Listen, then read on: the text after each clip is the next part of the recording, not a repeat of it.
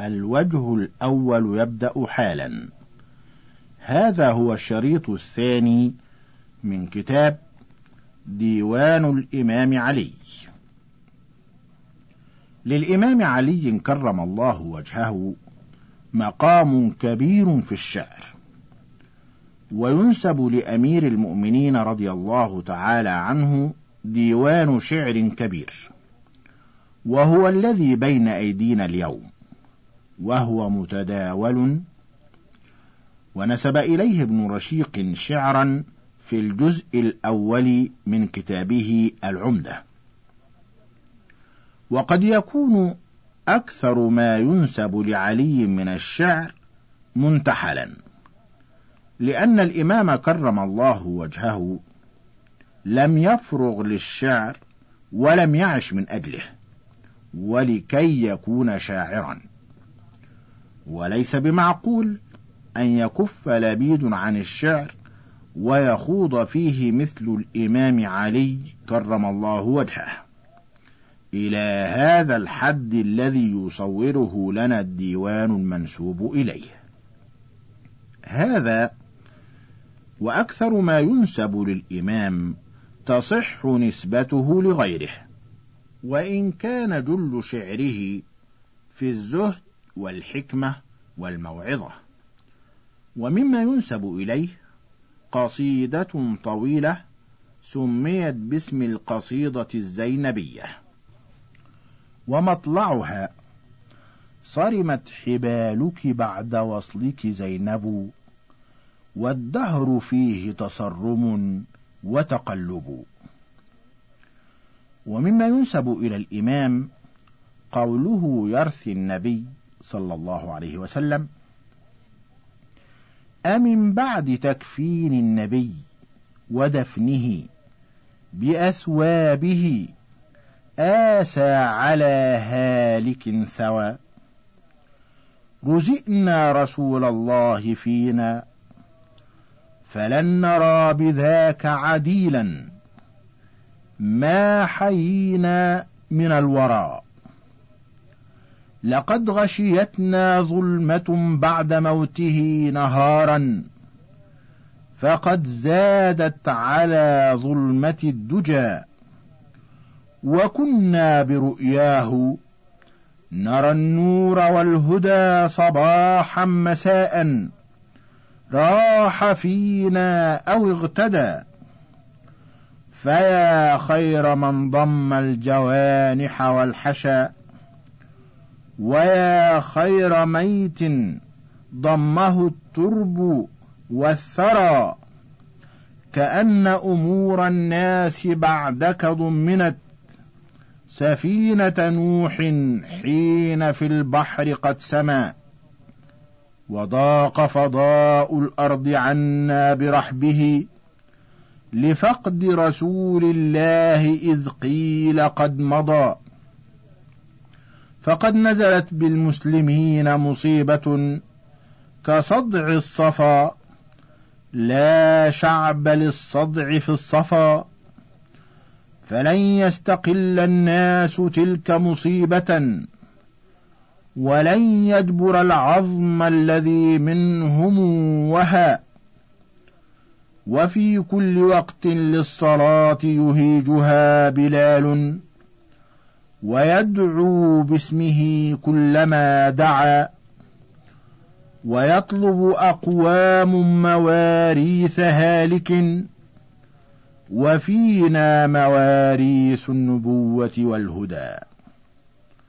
وبعد فهذا ديوان الإمام قد حققناه وشرحناه وراجعناه مراجعة دقيقة. ليخرج في صورة رائعة تليق بمقام الإمام علي كرم الله وجهه. وندعو الله أن ينفع به وأن يجعله خالصا لوجهه الكريم. وفقنا الله عز وجل إلى مرضاته وحسن مثوبته. وما توفيقي إلا بالله. عليه توكلت. وإليه أنيب. المحقق الدكتور محمد عبد المنعم خفاجة. الديوان. أولا قال الإمام علي كرم الله وجهه في فضل العلم وهي قصيدة من بحر البسيط الناس من جهة الآباء أكفاء. أبوهم آدم والأم حواء. وإنما أمهات الناس أوعية. مستودعات وللأحساب آباء. فإن يكن لهم من أصلهم شرف يفاخرون به فالطين والماء. ما الفضل إلا لأهل العلم؟ ما الفضل إلا لأهل العلم إنهم على الهدى لمن استهدى أدلاء. وقيمة المرء ما قد كان يحسنه. وقيمة المرء ما قد كان يحسنه والجاهلون لأهل العلم أعداء فقم بعلم ولا تطلب به بدلا فالناس موتى وأهل العلم أحياء. القصيدة الثانية قال فيها الإمام في الأصدقاء والزمن وهي من بحر الوافر. تغيرت المودة والإخاء وقل الصدق وانقطع الرجاء وأسلمني الزمان إلى صديق كثير الغدر ليس له رعاء. ورب أخ وفيت له بحق ولكن لا يدوم له وفاء. أخلاء إذا استغنيت عنهم. أخلاء إذا استغنيت عنهم وأعداء إذا نزل البلاء. يديمون المودة ما رأوني. ويبقى الود ما بقي اللقاء. وإن أغنيت عن أحد قلاني وعاقبني بما فيه اكتفاء سيغنيني الذي اغناه عني فلا فقر يدوم ولا ثراء وكل موده لله تصفو ولا يصفو مع الفسق الإخاء. وكل جراحة فلها دواء. وسوء الخلق ليس له دواء. وكل مودة لله تصفو. ولا يصفو مع الفسق الإخاء. وكل جراحة فلها دواء. وسوء الخلق ليس له دواء وليس بدائم أبدا نعيم كذاك البؤس ليس له بقاء. إذا أنكرت عهدا من حميم ففي نفس التكرم والحياء. إذا ما رأس أهل البيت ولا بدا لهم من الناس الجفاء. وهذان بيتان قالهما الإمام علي في النساء وهما من بحر الكامل. قال دع ذكرهن فما لهن وفاء. ريح الصبا وعهودهن سواء. يكسرن قلبك ثم لا يجبرنه وقلوبهن من الوفاء خلاء. رابعا قال الإمام علي في جمع المال وهي أبيات من بحر الوافر قال وكم ساع ليثرى لم ينله وآخر ما سعى جمع الثراء. وساع يجمع الأموال جمعا ليورثها. ليورثها أعاديه شقاء. وما سيان. وما سيان ذو خبر بصير. وآخر جاهر ليس سواء. ومن يستعتب الحدثان يوما يكن ذاك العتاب له عناء ويزري بالفتى الإعدام ويزري بالفتى الإعدام حتى متى يصب المقال يقل أساء وللإمام علي في الدنيا هذان البيتان من بحر الطويل. تحرز من الدنيا فإن فناءها محل فناء لا محل بقاء. فصفوتها ممزوجة بكدارة وراحتها مقرونة بعناء. وقال في الصمود في مواجهة أحداث الزمان وهي أبيات من بحر الخفيف هي حالان شدة ورخاء وسجالان نعمة وبلاء.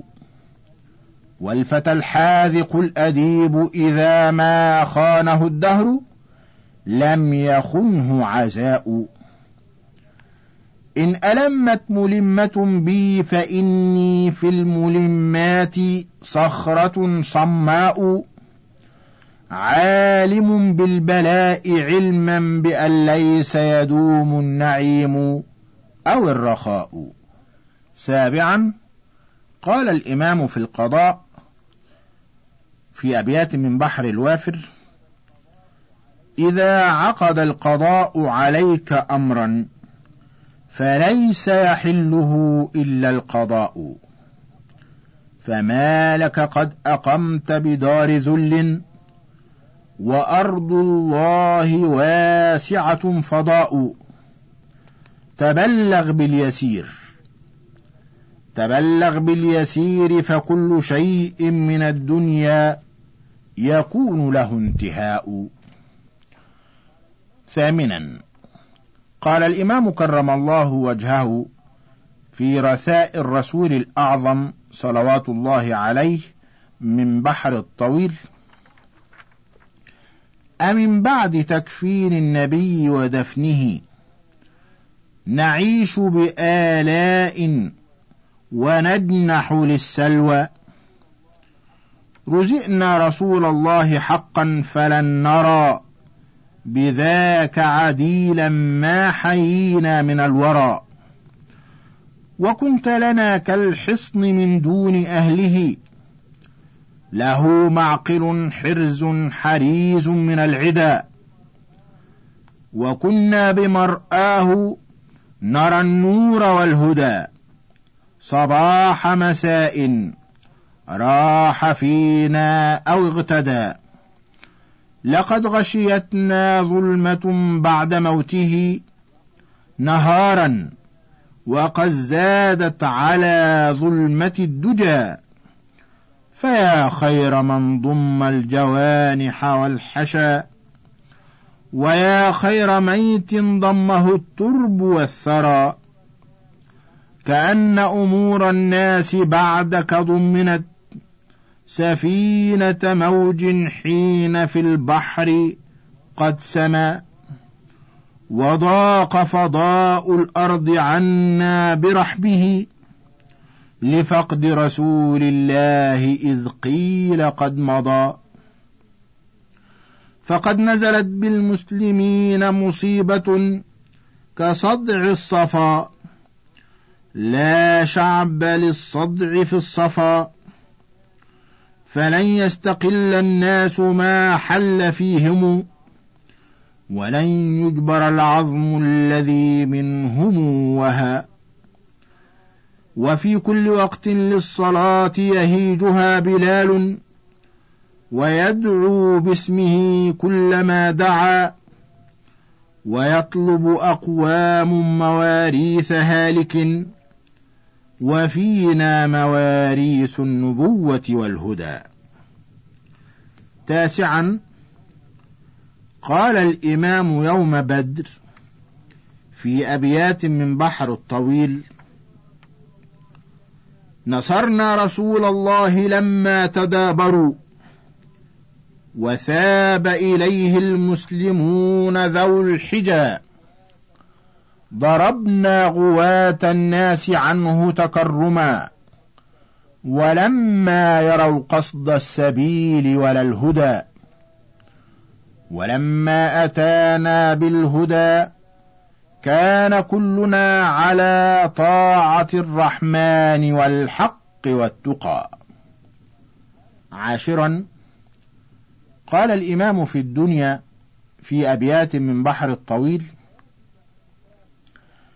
حياتك أنفاس تعد فكلما مضى نفس أنقص به جزءا. ويحييك ما يفنيك في كل حالة ويحدوك حاد ما يريد بك الهزء. فتصبح في نفس وتمشي بغيرها. وما لك من عقل تحس به رزءا حادي عشر. قال الإمام في الحث على العمل وطلب المعاش في بيتين من بحر الوافر. وما طلب المعيشة بالتمني ولكن ألق دلوك في الدلاء. تجئك بملئها تجئك بملئها يوما. ويوما تجئك بحمأة وقليل ماء. قافية الباء. ثاني عشر. قال الإمام في الخلافة في بيتين من بحر الطويل فإن كنت بالشورى ملكت أمورهم فكيف بهذا والمشيرون غيبوا؟ وإن كنت بالقربى حججت خصيمهم فغيرك أولى بالنبي وأقرب. ثالث عشر. قال الإمام لما نزل معاوية بصفين في أبيات من الرجز لقد أتاكم كاشرا عنا به ويهمط الناس على اغترابه فليأتنا الدهر بما أتى به. وقال الإمام وهو بصفين من بحر الطويل ألم تر قومي إذ دعاهم أخوهم أجابوا وإن أغضب على القوم يغضبوا. هم حفظوا غيبي كما كنت حافظا لقومي أخرى مثلها إذ تغيبوا. بنو الحرب لم تعقد بهم أمهاتهم وآباؤهم آباء صدق فأنجبوا. وقال الإمام في حرب صفين وهو يبارز حريث قبل أن يقتله وهو من بحر الرجز. أنا علي وابن عبد المطلب. نحن لعمر الله أولى بالكتب. منا النبي المصطفى غير كذب. أهل اللواء والمقام والحجب. نحن نصرناه على جل العرب. يا أيها العبد الغرير المنتدب. أثبت لنا يا أيها الكلب الكلب. وقال الإمام لحريث أيضا قبل أن يقتله في أبيات من بحر الرجز أنا الغلام العربي المنتسب من خير عود في مصاص المطلب. يا أيها العبد اللئيم المنتدب. إن كنت للموت محبا فاقترب واثبت رويدا أيها الكلب الكلب أو لا فول هاربا ثم انقلب. وقال الإمام في بيتين من بحر الطويل لعمرك ما الإنسان إلا بدينه فلا تترك التقوى اتكالا على النسب. فقد رفع الإسلام سلمان فارس وقد وضع الشرك الشريف أبا لهب. وقال الإمام في الفرج بعد الشدة في أبيات من بحر الوافر إذا اشتملت على اليأس القلوب وضاق لما به الصدر الرحيب وأوطنت المكاره واستقرت وأرست في أماكنها الخطوب ولم تر لانكشاف الضر وجها ولا أغنى بحيلته الأريب أتاك على قنوط منك غوث يمن به اللطيف المستجيب. وكل الحادثات إذا تناهت فموصول بها فرج قريب. وقال الإمام في أبيات من بحر البسيط إني أقول لنفسي وهي ضيقة وقد أناخ عليها الدهر بالعجب صبرا على شدة الأيام إن لها عقبى وما الصبر إلا عند ذي الحسب. سيفتح الله عن قرب بنافعة فيها لمثلك راحات من التعب. وبعد وفاة رسول الله صلى الله عليه وسلم كان علي بن أبي طالب يغدو ويروح إلى قبر نبي الله بعد وفاته ويبكي تفجعا ثم يقول يا رسول الله ما أحسن الصبر إلا عنك وما أقبح البكاء إلا عليك. ثم قال في أبيات من بحر الكامل ما غاض دمعي عند نازلة إلا جعلتك للبكا سببا. وإذا ذكرتك ميتا سفحت عين الدموع ففاض وانسكب إني أجل ثرا حللت به عن أن أرى لسواه منقلبا. ولما قتل الإمام عمرو بن عبد ود وانكشف تنحى عنه وقال في أبيات من بحر الكامل عبد الحجارة من سفاهة رأيه وعبدت رب محمد بصوابي فصددت حين تركته متجدلا كالجذع بين دكادك وروابي وعففت عن أثوابه ولو إنني كنت المقطر بزني أثوابي. لا تحسبن الله خاذل دينه ونبيه يا معشر الأحزاب. أعلي تقتحم الفوارس هكذا عني وعنهم خبروا أصحابي. فاليوم تمنعني الفرار حفيظتي ومصمم في الرأس ليس بنابي. أدى عمير حين أخلص صقله صافي الحديدة يستفيض ثوابي. فغدوت ألتمس القراع بمرهف عضب مع البتراء في أقرابي.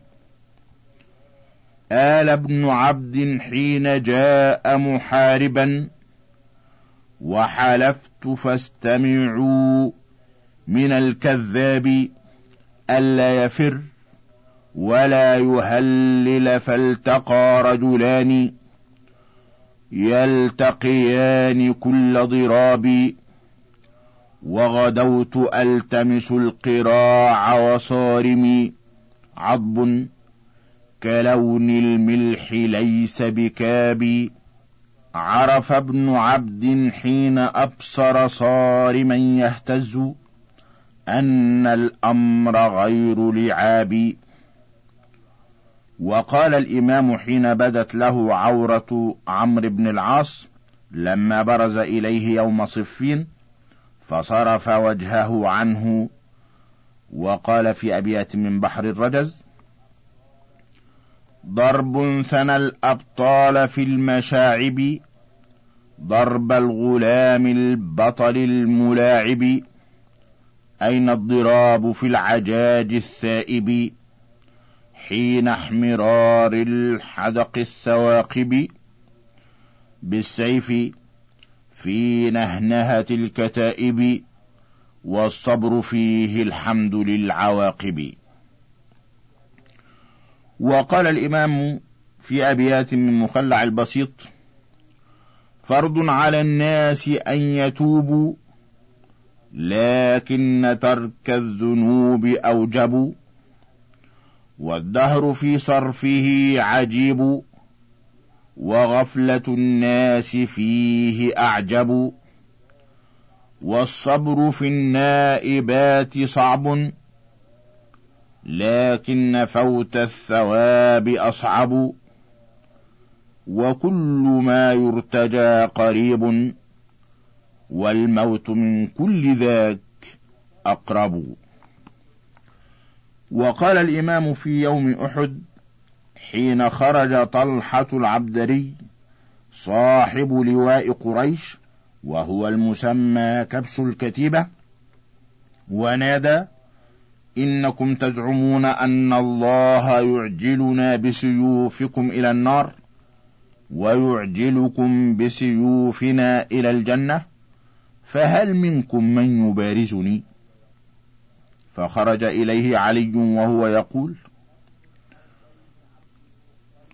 أنا ابن الحوضين عبد المطلب وهاشم المطعم في العام السغب أوفي بميعادي وأحمي عن حسب. وقال الإمام في أبي لهب في أبيات من بحر الطويل أبا لهب تبت يداك أبا لهب وتبت يداها تلك حمالة الحطب. خذلت نبيا خير من وطئ الحصى فكنت كمن باع السلامة بالعطب. وخفت أبا جهل فأصبحت تابعا له وكذلك الرأس يتبعه الذنب. فأصبح ذاك الأمر عارا يهيله عليك حجيج البيت في موسم العرب.